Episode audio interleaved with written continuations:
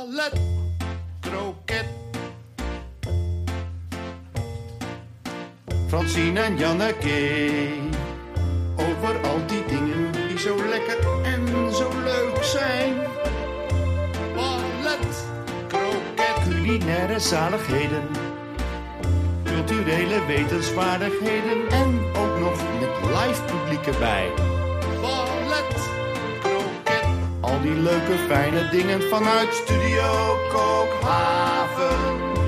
Ballet, kroket, ballet, kroket, ballet, kroket. Welkom, lieve luisteraars, thuis, onderweg of waar je ook bent als je naar ons luistert. En welkom, lieve live luisteraars, hier in Studio Kookhaven. U hoort het, u hoort het. Ballet Croquet wordt opgenomen voor een live studio publiek. En we zijn dan ook de enige podcast met live reacties. Die komen via de Ballet Croquet app. En we hebben met het publiek al genoten van de Ballet Croquet Huisband... onder de tweekoppige leiding van Arend Bouwmeester en Matthijs Groené. Francine, dit is hem, aflevering 4 van Ballet Croquet. Wat gaan we doen? We gaan het hebben over dingen die het leven leuk en lekker maken... waarmee je het leven kunt versieren, verdiepen en vieren. Wij doen daar al 25 jaar onderzoek naar, Janneke. We kennen elkaar van ons werk op de redacties... voor Kunststof en Mandjaren op Radio 1... En wat blijkt, al die onderwerpen kun je plaatsen op de lijn van ballet tot kroket. We beginnen vandaag in de keuken. Chefs Bloemen Burema en Gina Verheij. Jullie zegden onlangs jullie eh, banen op bij eh, goedlopende restaurants in Amsterdam. En jullie vertrekken binnenkort naar Frankrijk voor een avontuur waar wij ook van mee kunnen genieten. Ja, Wat ga je helemaal. doen? Ja, eh, wij gaan samen koken in Frankrijk, in de Beaujolais. Eh, bij een, in een restaurant in de tuin van een wijnboer eigenlijk. Jullie kunnen allemaal komen eten.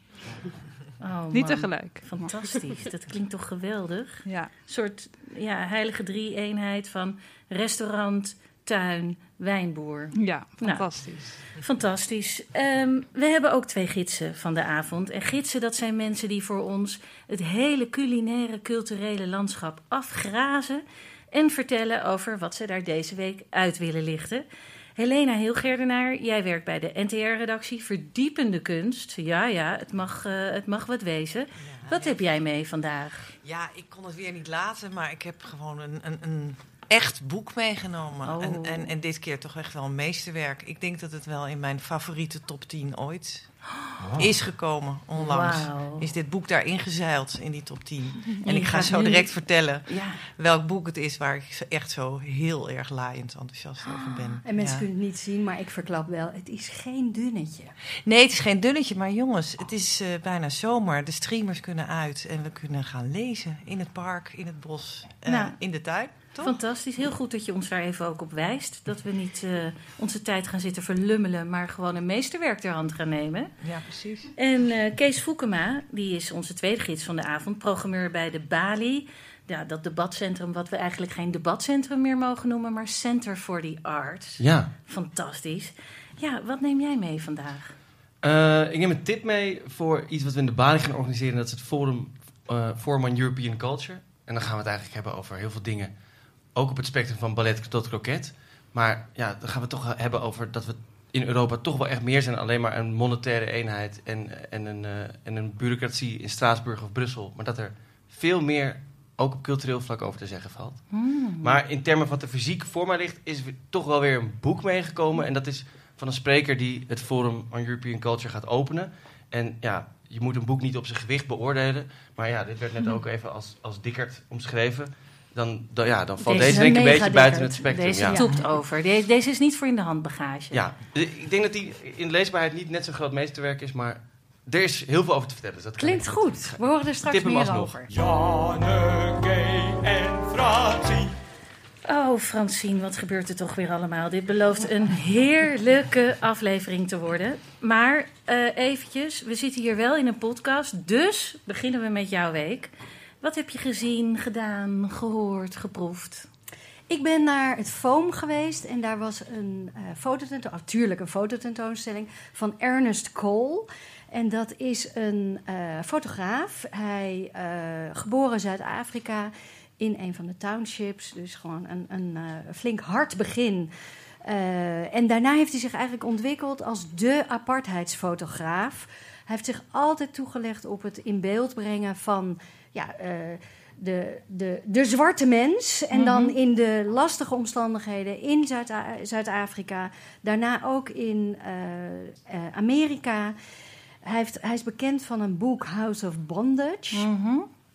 De foto's hebben op mij een ongelofelijke indruk gemaakt, omdat ze stralen zoveel liefde en levenslust en ja, eh, zoveel warmte uit dat je toch eh, dat, ja, die hele idiotie van dat apartheidsregime dringt op die manier zo goed tot je door. En je, en je beseft je nog een keer, dit is gewoon tot begin jaren negentig aan de hand geweest. Ja, nou ja, ik vond het een- eigenlijk nog heel recent. het is heel recent. En dat zie je ook aan de foto's. Het zijn geen foto's van heel vroeger. Nee, dat is gewoon ja, van, van eergisteren. Ja, en het gekke is met dit soort grote omwentelingen die hebben plaatsgevonden eh, vorige eeuw, eind vorige eeuw. Eh, dat wij denken, wij vinden die beelden nu eigenlijk heel normaal, maar die waren niet normaal. Nee. Want het was verboden om Precies. dat soort foto's te maken. Precies, en hij heeft, eh, hij, heeft, ja, hij heeft eigenlijk de autoriteiten om de tuin geleid en eh, heeft zich toen als gekleurd ingeschreven gekregen, waardoor hij mogelijkheden had om op plekken te komen, dus in de mijnen, in de townships, op plekken te komen waar hij dat in beeld kon brengen. En ja, ik zou echt iedereen aanraden om daar naar te gaan kijken. Het, het zijn foto's die niet eerder te zien zijn geweest. Eh, ze zijn opgedoken uit een archief van een Zweedse bank. Hij heeft ook een periode in Zweden gewoond. Ehm, Ja, over zo'n verhaal dat Ja. het in een kluis lag. ja, en daar opgedoken is. En nu, en wat ook heel mooi is, is dat ze die tentoonstelling hebben ze met de vormgeving ook rekening gehouden hoe ze die eh, fotografie hebben laten zien. Namelijk dat ze ook hele ja, wanden met contactafdrukken. Ja, Dus dat, moest je mij nog even uitleggen. ja, dat ik zijn, weet niet meer dat wat zijn foto's van de negatieven. En dat geeft, ja, dat geeft je heel erg het gevoel ook van een soort stiekeme ja, eh, fotografie die er niet mocht zijn. Die, hè, die hij dus ook gesmokkeld heeft. eh, de grens over. Uiteindelijk is hij eh, in contact gekomen met Magnum. En is er dus een mooi boek van gekomen. Ja, ik, ik vond het een, een geweldige tentoonstelling. En niet alleen maar verdrietig of vreselijk. Nee. Eh, nou, de toon- tentoonstelling House of Bondage is te zien in FOAM, het eh, Fotografiemuseum in Amsterdam. Tot en met 14 juni. En meer informatie daarover vindt u op eh, www.foam.org. Ja, en toch wil ik er nog iets, één ding aan toevoegen. Ja, doe maar. Namelijk dat het lijkt nu bijna, vorige week had ik het over Chad Baker. Het lijkt bijna of ik een soort hang heb naar mannen die heel creatief zijn, maar allemaal voor hun, Voor hun tijd ja, gestorven eind zijn. want- 50 gestorven Ja. zijn. Vorige week Chad Baker, die zo naar aan zijn eind kwam. Eh, onze eh, Ernest Cole, die is geëindigd op straat in New York. Was daar ziek en zwervend en eh, werd geloof ik 48. Ja, het is, het is, het is Nou ja, droevig, het is, tragisch. Maar hele mooie dingen gemaakt. Ja. Janneke, Ja, Wat ik, heb jij eh, gezien? ik ga een iets lichtere kant op nu. Iets weer, maar jij meer- bent ook wat lichter. Ik ben wat meer van de kroket. Ehm, en eh, ik, ik neem jullie mee naar HBO Max, dat is een streamingsdienst. En daar staat een hele leuke serie op, waar eh, heel gelukkig het tweede seizoen net van eh, online is gezet. Dat wil zeggen, iedere week één aflevering. Oh, je kan niet bingen. Nee, je kan niet bingen, is moeilijk voor mensen zoals ik. Maar goed, ehm, daardoor ben ik seizoen 1 gewoon nog even drie keer achter elkaar gaan bingen. Want dat kan gewoon wel. Maar wat, hoe goed moet het zijn dat je dat nog Ja, je hebt kijken? van die series die komen je leven in en die worden eigenlijk recht je ziel ingegoten. Ken je dat? Dat je het Eh, idee hebt. Ja, maar dan moet je me wel iets meer vertellen Ja. over wat het dan is. Ja, want dit is een heel. Ja, dit verwacht je niet van deze serie. Hij heet Somebody Somewhere. Iemand ergens, zo zou je dat kunnen vertalen. En het gaat over eh, ja, de hoofdpersoon. Die, ehm, dat is een vrouw van middelbare leeftijd, tweede helft 40. eh, is niet iemand die je gauw ziet in een leading lady-achtige rol. Het is geen classic filmster qua uiterlijk.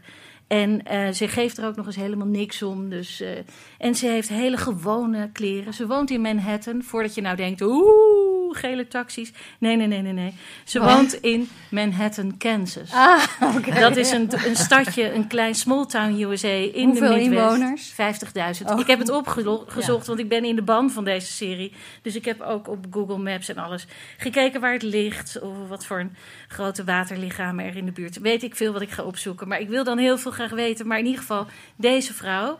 Die woont daar in de Midwest in een kleine stad, maar ze past niet helemaal in het standaardbeeld van small town USA. Ze Want? heeft geen gezin, ze heeft geen man, ze heeft haar leven niet op orde, tweede helft 40. Ze doet maar wat, ze doet een of ander baantje. Ze kampt met een groot verlies. Ze heeft net haar zus eh, verzorgd en, en eh, moeten begraven. Dat was een soort soulmate voor haar.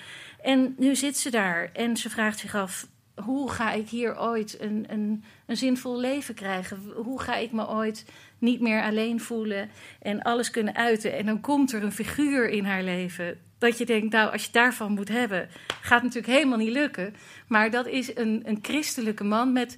Hij, hij is een lange christelijke blonde man en hij heeft een, wat ze in Amerika noemen een comb over. Ja, Dat is dat je een, eigenlijk kaal eigenlijk bent, te weinig maar dan heb je het haar wat je hebt, heb je er overheen Ja, gekamd. precies. Dan lijkt het nog wat. Ja, en dan heeft Tenminste, hij- dat denken ze. Ja, en hij heeft ook van die kleren aan dat je denkt, ja, het is een broek, het is een blouse, er zit een, een riem bij. Maar wat doet het? Het, doet, het, is, het is een hele gekke kleren. En, eh, nou ja, en die zegt tegen haar, hey, ik ken jou nog van vroeger. Je kon op school zo goed zingen. We zaten bij elkaar in de klas. Zij heeft geen idee wie hij is. En ze zegt, kom je eh, vanavond naar de koorrepetitie van de kerk? En dan zegt zij, de kerk, ik, ik ben niet zo heel erg van de kerk. Dat moet ze heel voorzichtig zeggen daar in de Midwest. Want iedereen doet alles met de kerk. Je hebt er bijna niks, maar wel acht kerken. En eh, nou ja, dus... eh, maar dan zegt hij, ja, nou ja, het is wel van de kerk, maar het heeft niet alles met de kerk te maken. Dus dan gaat ze toch maar kijken. En die kerk blijkt te zitten in een verlaten shoppingmall, Oh. in een verlaten winkelpand daar. En, eh, en die koorrepetitie, eh, ja, ze doet dat nondescripte deurtje open. En ze stapt eigenlijk zo in een soort cabaretwereld met rood plush, met gedimde lichten. En iedereen in dat stadje Manhattan in Kansas, die er net niet helemaal in past, die Zit in dat daar. koor. Die zit, het is helemaal geen koor. Het is een band. Er zijn mensen die naar de microfoon gaan en die zingen hun hele ziel eruit. En eh, zij, ja, dit is ook, dit moet ik heel even vertellen. Zij heeft dan net gezwommen. en ze denkt, nou, op de terugweg van het zwembad ga ik nog wel even naar die koorrepetitie. Maar omdat ze niet heel veel geeft om hoe dat er allemaal uitziet, heeft ze dus een nat badpak met daar overheen andere kleren, waardoor je precies Alles ja, ziet. bepaalde zones waar je badpak zitten zijn dus nat in die kleren. En zo loopt ze daar binnen. En dan zegt die vriend van haar, kom, zing jij ook nog even dat liedje wat je vroeger op school zo mooi kon. En dan denk je, wat gaat er komen? Welk lied gaat dat zijn? En dan is dat het duet van Peter Gabriel met eh, Kate Bush. Don't give up. Oh. En hij zegt, ik doe wel die andere. En dan zingt hij de partij van Kate Bush. En dan zingt zij de stem van Peter Gabriel.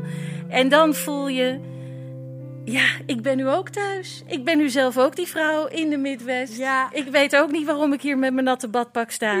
Maar dit is waar ik wil zijn als ik daar woon. En er zitten fantastische bijfiguren in. Ik wil echt een shout-out doen naar haar andere zus.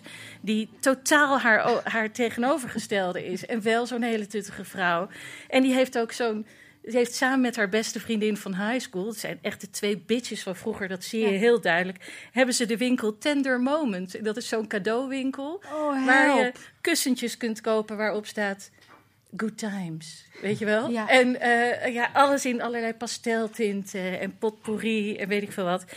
Nou ja, Nou, dat- ik denk- je wil dit. Je ik wil denk- deze serie. Na dit pleidooi weet iedereen of hij er wel of niet naar wil gaan kijken. Ja. En ik ben wel nieuwsgierig Ja. geworden. Kijk, hier willen ze het zien. Ja, natuurlijk. Dus, eh, En elke alles luisteraar. Janneke heeft alle streamingsdiensten. De serie Somebody Somewhere is dus te zien op HBO Max. Wat komt nu? Wat komt nu?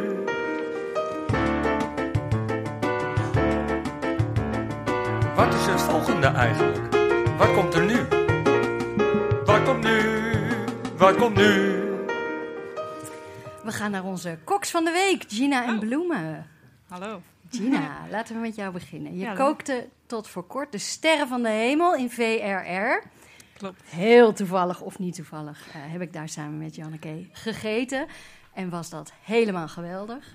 Je gooide het roer om, je ging met bloemen de wijde wereld in.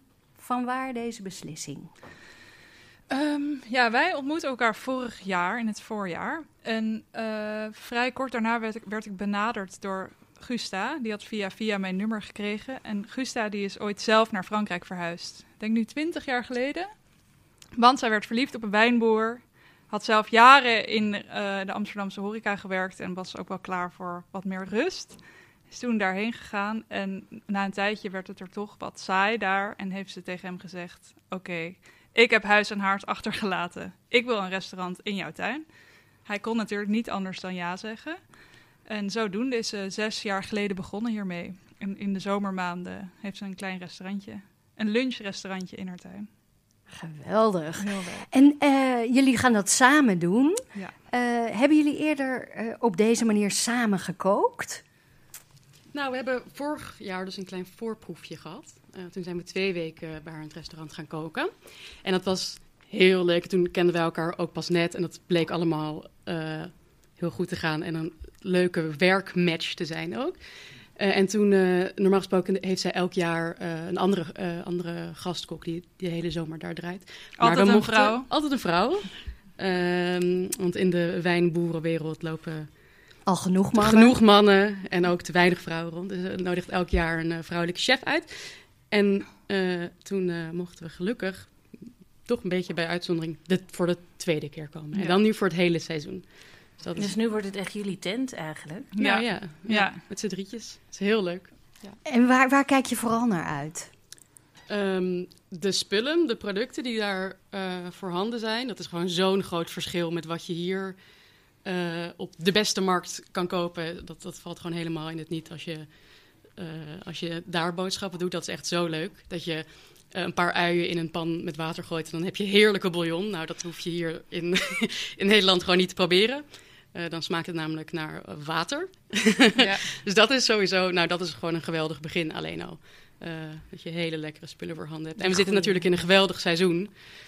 Ja. waar alles wat we lekker vinden de hele tijd beschikbaar is. Aan verse producten. Ja, ja. ja. Ja.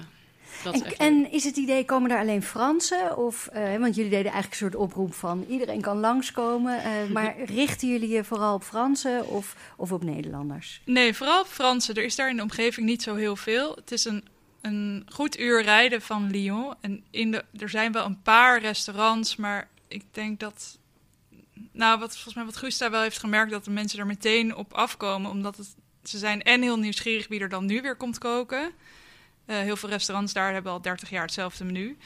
Eh, en het zijn natuurlijk vrouwen ook interessant. Eh, en, Dus die Fransen die laten zich er wel toe verleiden om Ja, te komen. Ja, heel leuk. Ja. Echt, ja.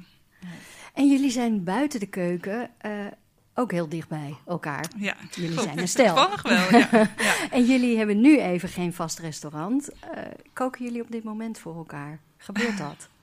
Uitgebreid.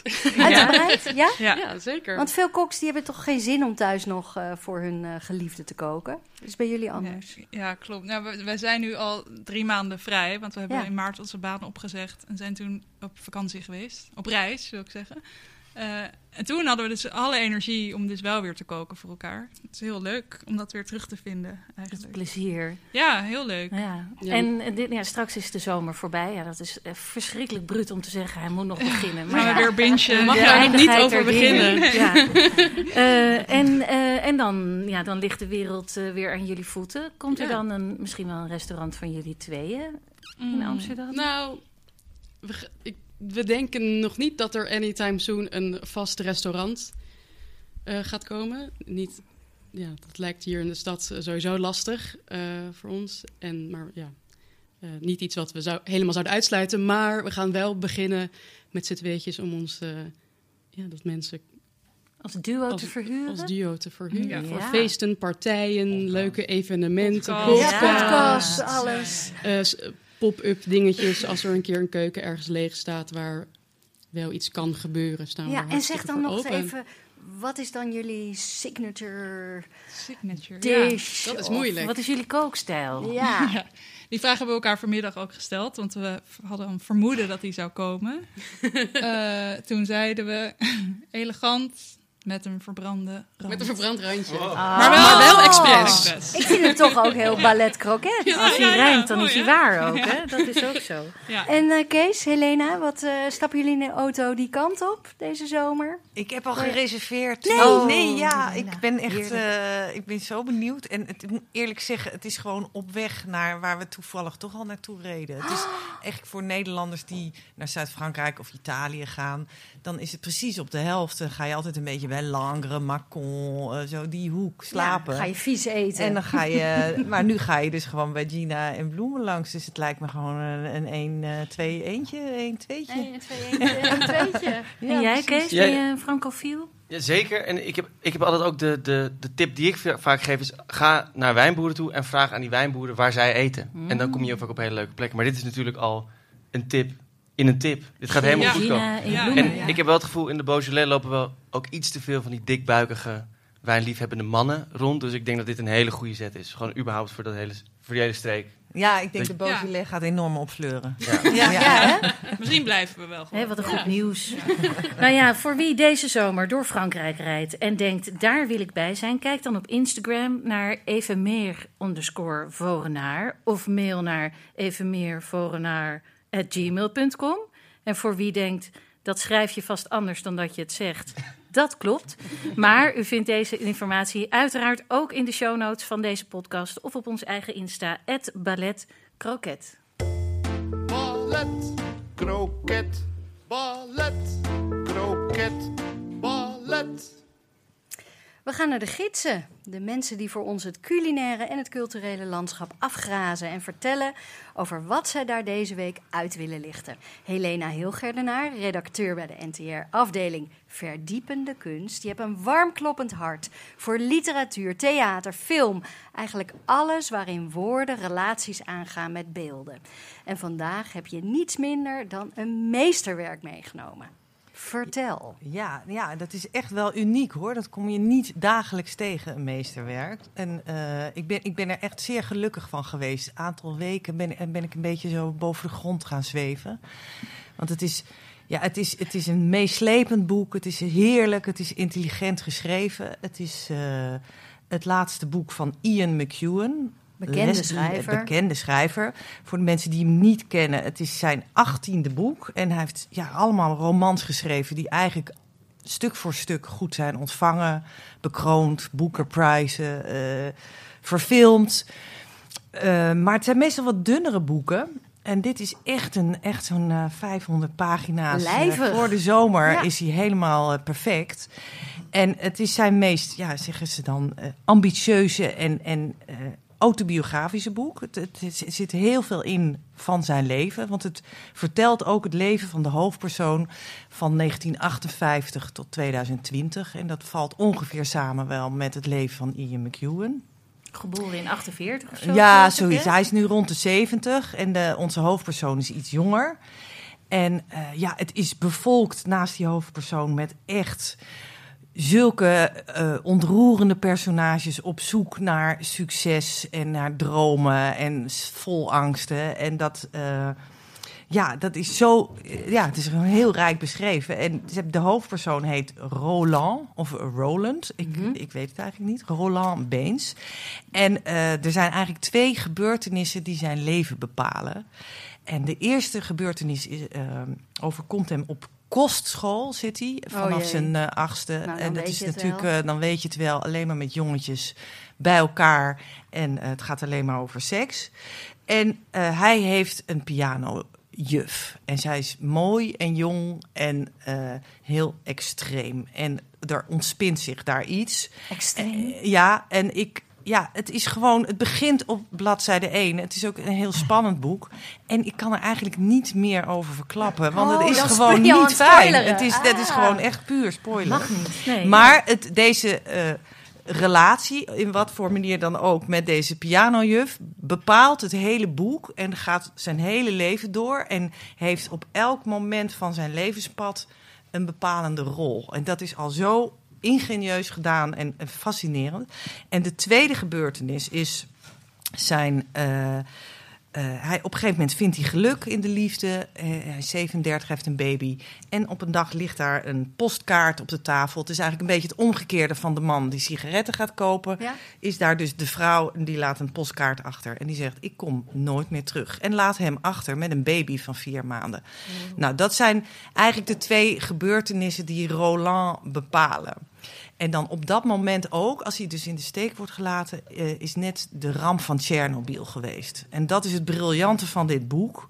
Dat eigenlijk elke gebeurtenis eh, hangt samen met een gebeurtenis die ook ons leven allemaal bepaalt. Dus de de, wereldgeschiedenis. Het, de- het is meer dan decor, het, het is echt ingrijpend. En het mooie is, je herkent het eigenlijk allemaal. Ik bedoel, we hebben niet zozeer de Cuba-crisis meegemaakt, maar de Tsjernobyl weet ik nog wel. Heel hoe eng dat was. ja.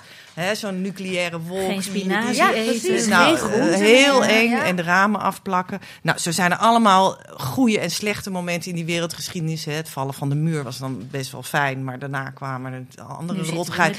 Nu zitten we ook in. En, nou, en dit boek heeft ook nog, raakt ook nog aan de pandemie, Brexit. Dus het is, voelt heel, Ja, heel erg, heel ja, erg van dus- nu, maar ook dat hij dat decor gebruikt. En eigenlijk het grote thema in al zijn werk en helemaal in dit boek is gewoon hoe gebeurtenissen jouw levenspad bepalen. En hoe leuk je kan bedenken dat je het leven kan regisseren, maar het lot slaat toe. Het noodlot slaat toe. Er gebeuren onverwachte dingen. En daardoor kijk je anders naar jezelf en naar het leven. En dat vind ik zo goed gedaan. En dat zijn gewoon, ja, lessen heet het. Het gaat natuurlijk ook over die pianolessen, maar het gaat over levenslessen. Over de geschiedenis, de wereldgeschiedenis, maar ook je eigen geschiedenis. Wat leer je daarvan? Dus het is ook een spiegelend boek, een reflecterend boek. Van je gaat nadenken, maar hoe heb ik dan die stap gezet naar dat leven of eh, gezin of juist niet? Want die vrouw bijvoorbeeld van hem loopt weg. Ik zeg een meesterwerk.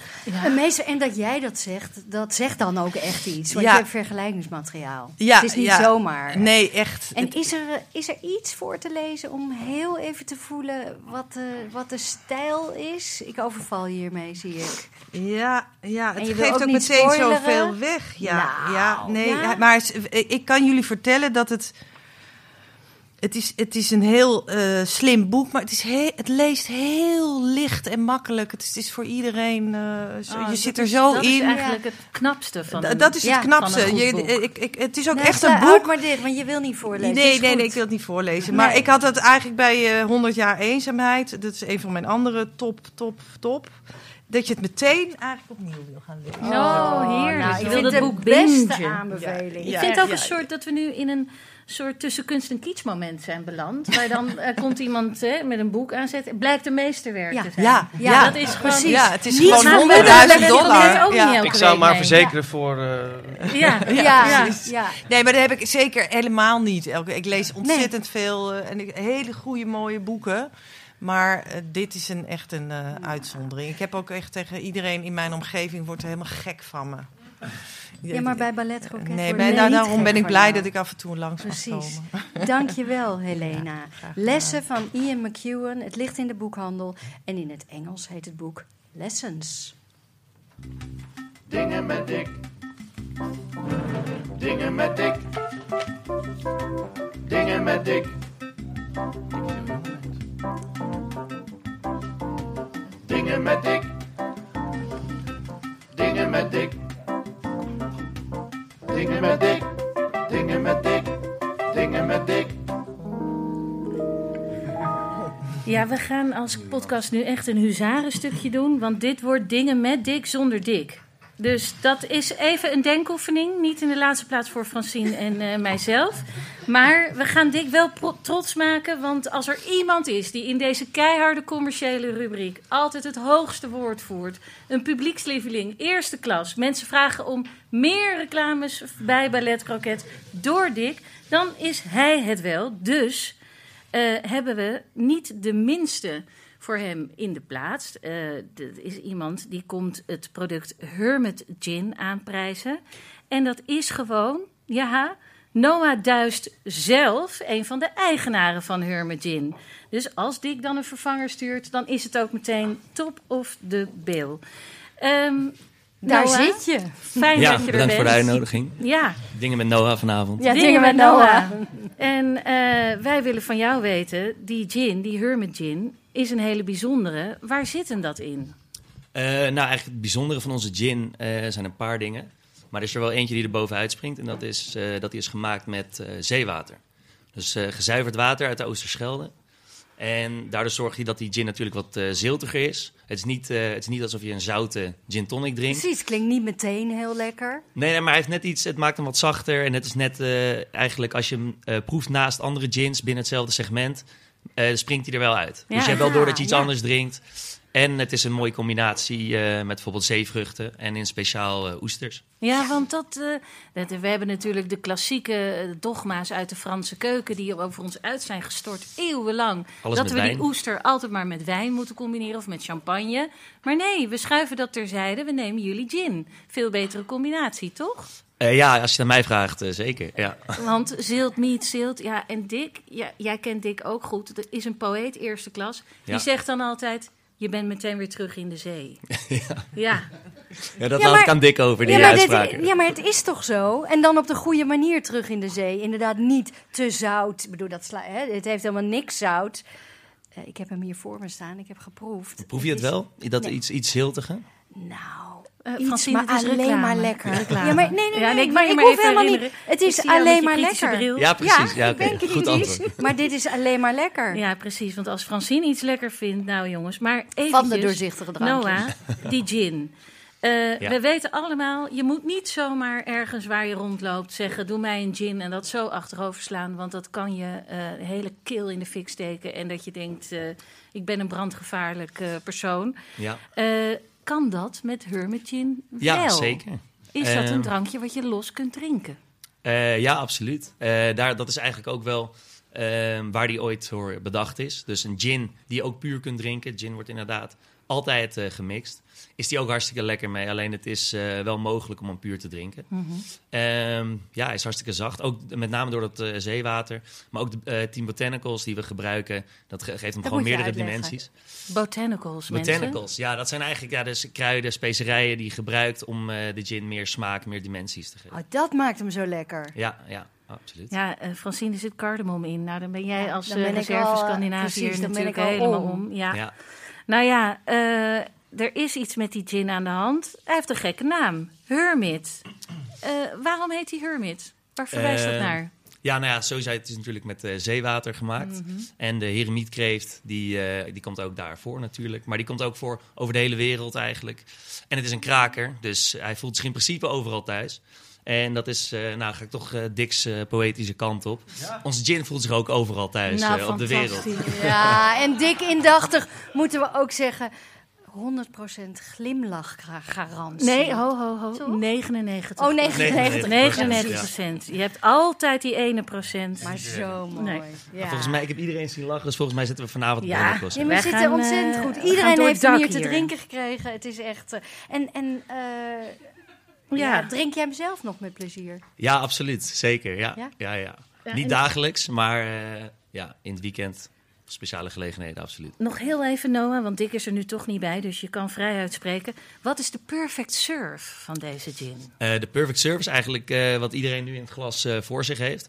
Dat is eh, na eh, vele uren van eh, hard werken en proeven is gebleken dat dit eh, de perfect serve is. Dus dat is eh, nou, onze gin uiteraard, Hermit Gin. Met eh Fever Tree Mediterranean Tonic. Dus Mediterranean, hè, toch eh, weet je wel, naar de, naar de kust eh, weer terug. Ehm, en ook eh, een stukje grapefruit en zeekraal erin. Het zeekraal zit er nu niet in, zie ik. Maar ja, dat, eh, Die denken we erbij. Die, denken we erbij. Nee, maar eh, dat is de perfect surf. Ja. En waarom Fever Tree Tonic? Eh, die is wat zachter. Onze gin, zoals ik net zei, je kan hem puur drinken. Dus het is ook geen, eh, het is niet alsof je nagellak remover eh, doorslikt. Het is heel zacht. Goed dat Dus je het moet- zegt, want dat ook- kun je hebben met gin. Ja, Precies, ja, Maar niet ja. met deze, niet met Hermit Gin. Nee, dus ik adviseer ook iedereen om hem met een eh, Fever Tree Tonic, een wat zachtere tonic. Ja. Ja. En eh, ja, de mensen willen natuurlijk nu massaal naar deze gin. Ja. Waar kun je hem krijgen? Ehm, ja, in principe op heel veel plekken, maar voor de gewone consument denk ik bij de Gal en Gal eh, het makkelijkste. Ja, dat worden steeds meer winkels hè, waar Absoluut. die eh, verkrijgbaar is. Ja, Waar staat de teller nu op? hij zit er nu op 203. Ho, ho, Ja. ho. Maar dat is dan toch ook door Ballet Croquet? Dat is alleen door eh, Ballet Ja. Croquet. Ja, eh, vorige week stond de teller nog op snel op. 45. Ja, nee. Eh, nou ja, goed. Ehm, Hermit Gin, eh, lieve mensen, is verkrijgbaar bij Gal en Gal. En wilt u ook adverteren in Ballet Croquet en uw bedrijfsresultaat met een steile grafiek omhoog sturen? Stuur dan onmiddellijk ook een mail naar alles@balletcroquet.nl. Dingen met dik, dingen met dik, Ja, Kees Voekema, programmamaker bij de Bali. Vroeger noemden we dat een debatcentrum, maar dat doen we niet meer. Dat is allemaal oude tijd. Tegenwoordig is dat een Center for the Arts. Een plek waar dingen besproken worden met sprekers die de zaak van alle kanten belichten. En eind mei, begin juni wordt daar het Forum on European Culture gehouden. Deze keer vooral rondom het thema democratie. Vertel, waarom is democratie op dit moment een thema om te bespreken als het over Europese cultuur gaat? Nou, ik denk dat in de context van Europese cultuur democratie altijd heel interessant is om te bespreken. Ik denk dat dat democratie is nooit af, dus daar moet je volgens mij altijd over blijven praten en eh, ook van alle kanten blijven belichten. Maar ik denk, ja, dit jaar is toch wel iets gebeurd wat, eh, wat extra invloed daarop aan eh, op heeft gebracht. Is dat, nou ja, het laat zien dat de democratie in Europa best een fragiel ding is. Er is een, een oorlog uitgebroken op Europees grondgebied. En wij vinden dan heel belangrijk om, eh, nou ja, ik, ja, je wil niet het, het wo- de woorden juist nu zeggen, maar juist nu over het belang maar, van democratie te praten. Ja, En eh, dat doe je dus niet door alleen maar aan politici over te laten, maar dat moet je met elkaar doen. Dat moet je, dan, moet, moet je het over cultuur hebben. Nou, dat, weet, dat weten jullie van Ballet Croquet natuurlijk. uiteraard. We zijn goed. met niks anders bezig dan met deze grote pan-Europese missie. Ballet croquet, ballet croquet, ballet croquet. We, we spreken onze talen, absoluut. Ehm, maar jullie directeur, Juri Albrecht, die eh, heeft deze week alle kranten gehaald. Die wil een kapotgeschoten Russische tank op het Leidseplein neerzetten. Ja, Wat moet die tank ons vertellen als die straks daar staat? het, ja, die tank gaat voor iedereen weer vertellen wat, wat voor diegene eh, gehoord wordt. Maar ik, ja, ik denk dat dat in ieder geval voor jullie dus het, het symbool is voor hoe fragiel onze, onze democratie is. Dus dat, dat eh, democratie een idee is wat we, wat we misschien net als vrijheid af en toe voor lief nemen. Iets wat we, wat we als een eh, beschouwen in een land als Nederland. En dat je dat voor Oekraïners ook lange tijd het geval is geweest. En dat, dat één zo'n Russische tank en, en, en een, eh, een goed geladen schot een einde kan maken aan die democratie. Of aan die, aan die waarden die je samen deelt, maar die je misschien niet zo vaak samen benoemt. Mhm. En ik denk dat wij als kunstencentrum het heel belangrijk vinden dat we wel heel actief en heel luid, die, eh, en dus ook een beetje bombastisch, Mhm. die, die waarden bespreken. Want we Eh, moeten ons meer bewust worden van het feit ja, dat het wel degelijk op de tocht staat. eh, Ja. En dat het in gevaar kan zijn. Ja, en, en misschien ook wel iets meer het, de democratie die we hebben, die heel bewust vieren. Mhm. en, en, en dat doe je dus ook door, door andere gedeelde waarden te bespreken en over prachtige boeken te hebben en over naar muziek te luisteren. En, en, en ja, god beter het een beetje ballet en een beetje kroket.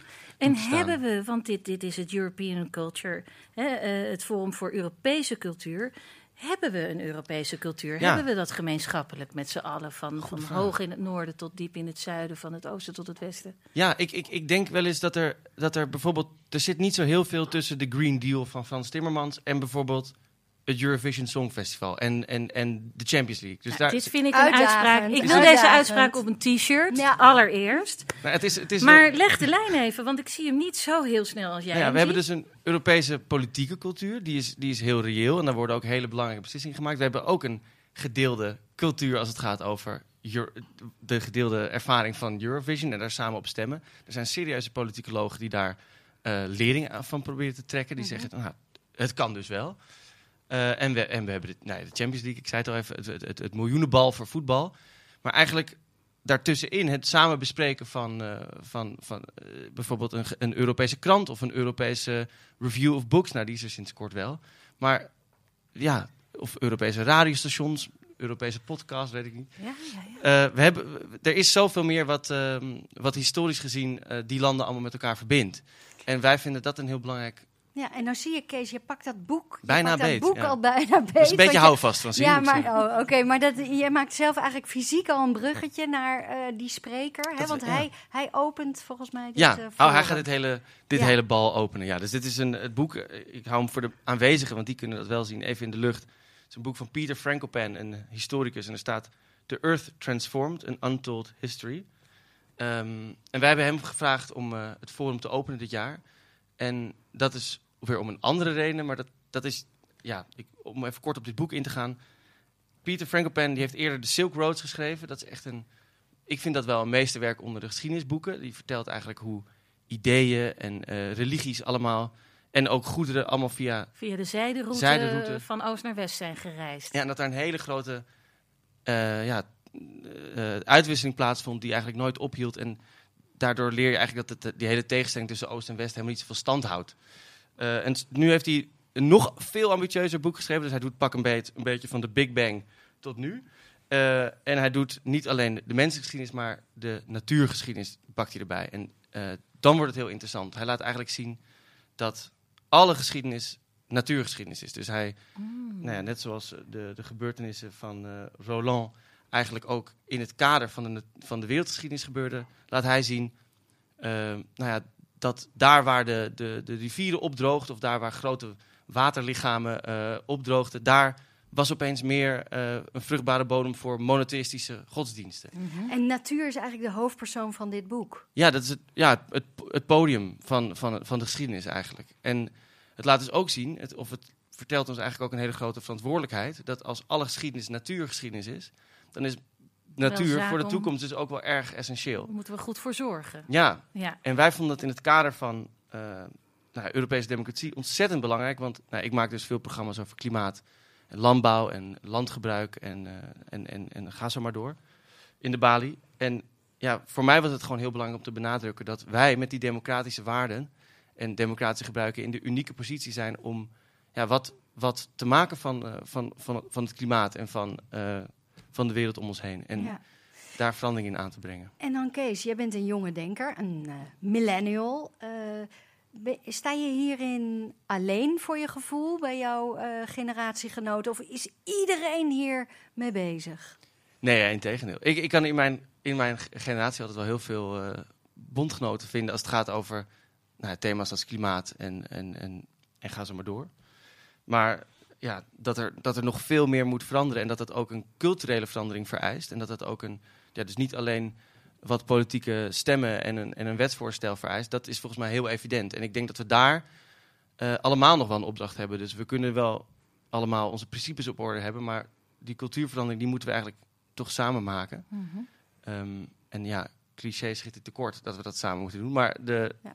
Ja. ik denk dat dit boek ons wel kan wijzen op die opdracht. Ik vind het toch een hoopvol, hoopvol einde van jouw gloedvolle betoog. Eh, Helena, hoe kijk je hier naar? Zo'n hele dikke non-fictiepil. Zou dat ook wat voor jou zijn?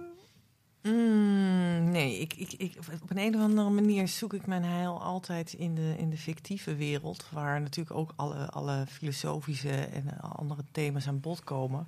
Maar ik vind toch wel weer die zijderoute trekt me heel erg. Als je vertelt, nou ja, we hadden natuurlijk al die, die andere, Hariri heet die, die ging, eh, Harari, ja precies, daar ga ik al. Ja. Ehm, Ja, er eh, zijn eh, veel eh, boeken van- ve- van de- ja, Ja, dat, mensplanners, dat, maar ik- dan ja. goede mensplanners. Die Ja. bestaan ook. Die gewoon echt even alles aan Ja, je uitleggen precies. op basis van goed onderzoek. Ja, Ja. Nou, dat mag ook wel maar ik denk wel eh, dat dat, eh, dat, dat eh, goed naast elkaar kan bestaan. Ja, en- maar ik vind hem wel erg dik, hoor. vind hem ook veel te dik. jongen. Maar, Ja. voor, Maar- eh, er is eigenlijk een hele simpele oplossing voor. Als je nou geen zin hebt om zelf al dit soort dikke boeken te lezen, Ja. dan kun je je gewoon begeven naar de Bali. Daar gaat het forum. Het Forum on European Culture wordt namelijk gehouden in de Bali in Amsterdam van 31 mei tot en met 4 juni. En meer informatie hierover vindt u op www.cultureforum.eu. Wie is de kok? Laat mij eens spreken met de chef. Waar is de kok gebleven, chef? Ai. Waar ben je nu? Laat mij eens spreken met de chef. Ai. Wie is de kok? Ai. Wie is de kok? Ai. Ja, we Ja. zijn er weer. Daar zijn ze weer, de koks van de week, Bloemen en Gina. Ja, jongens, wat hebben jullie voor ons gemaakt? Eh, het is een toosje. Het is een variant op iets wat we vorig jaar, vorige zomer wel eens gemaakt hebben in Frankrijk.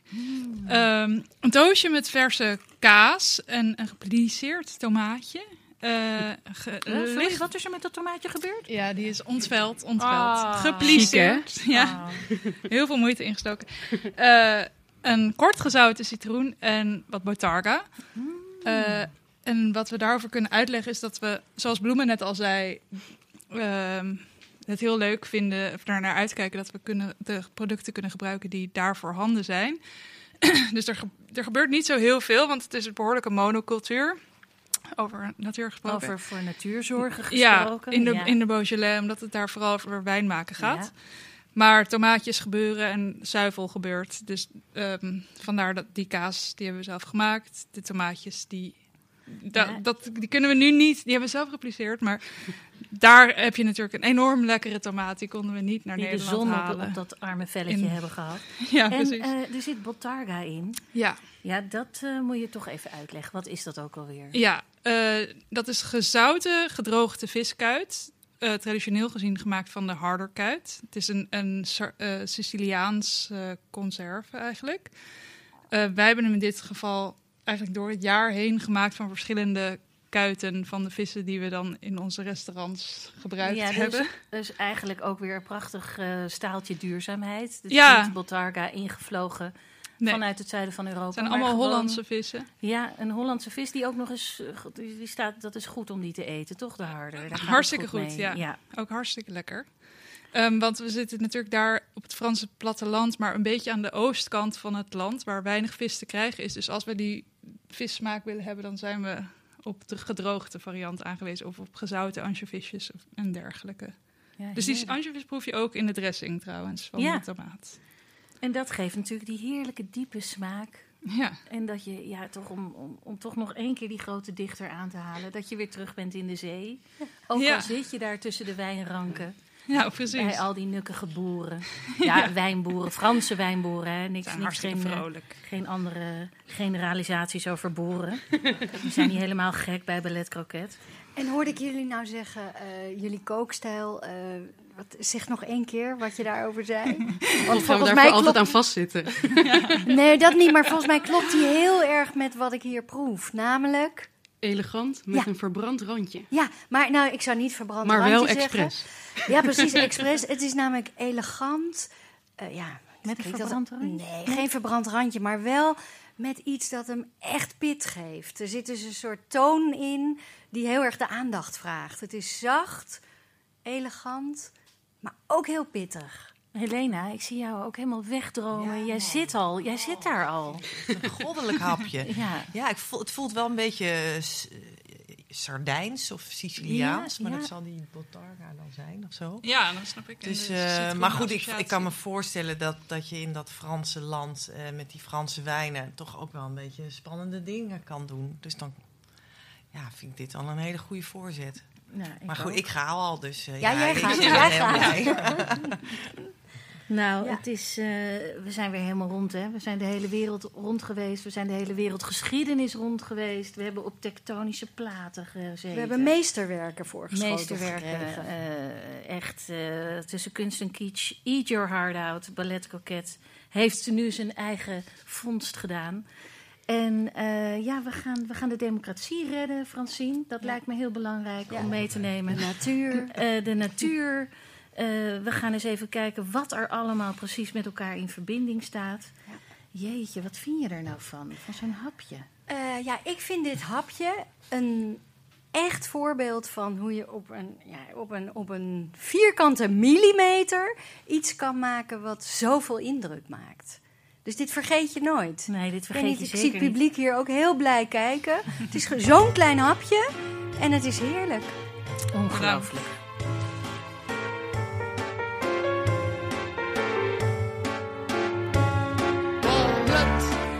Dit was aflevering 4 van Ballet Croquet. En we danken onze gasten Bloemen Burema en Gina Verheij, Helena Heelgeerdenaar en Kees Foukema. Grote dank en een extra groot hartje aan onze technicus Arend Bouwmeester en de Ballet Croquet Huisband onder de tweekoppige leiding van Arend Bouwmeester en Matthijs Groenee. Ballet Croquet werd opgenomen voor een live studio publiek. En wilt u ook een keer komen kijken en genieten van live muziek, goede sfeer? Dat kan. Stuur een mail naar alles@balletcroquet.nl. En wilt u adverteren in onze podcast? Dat kan natuurlijk ook. Mail alles@balletcroquet.nl. Met grote dank aan de meest gastvrije Fries in Amsterdam, Dick Verwerdaar van Studio Kookhaven. Wij gaan weer grazen. Tot volgende week. En onthoud, alles is ballet croquet.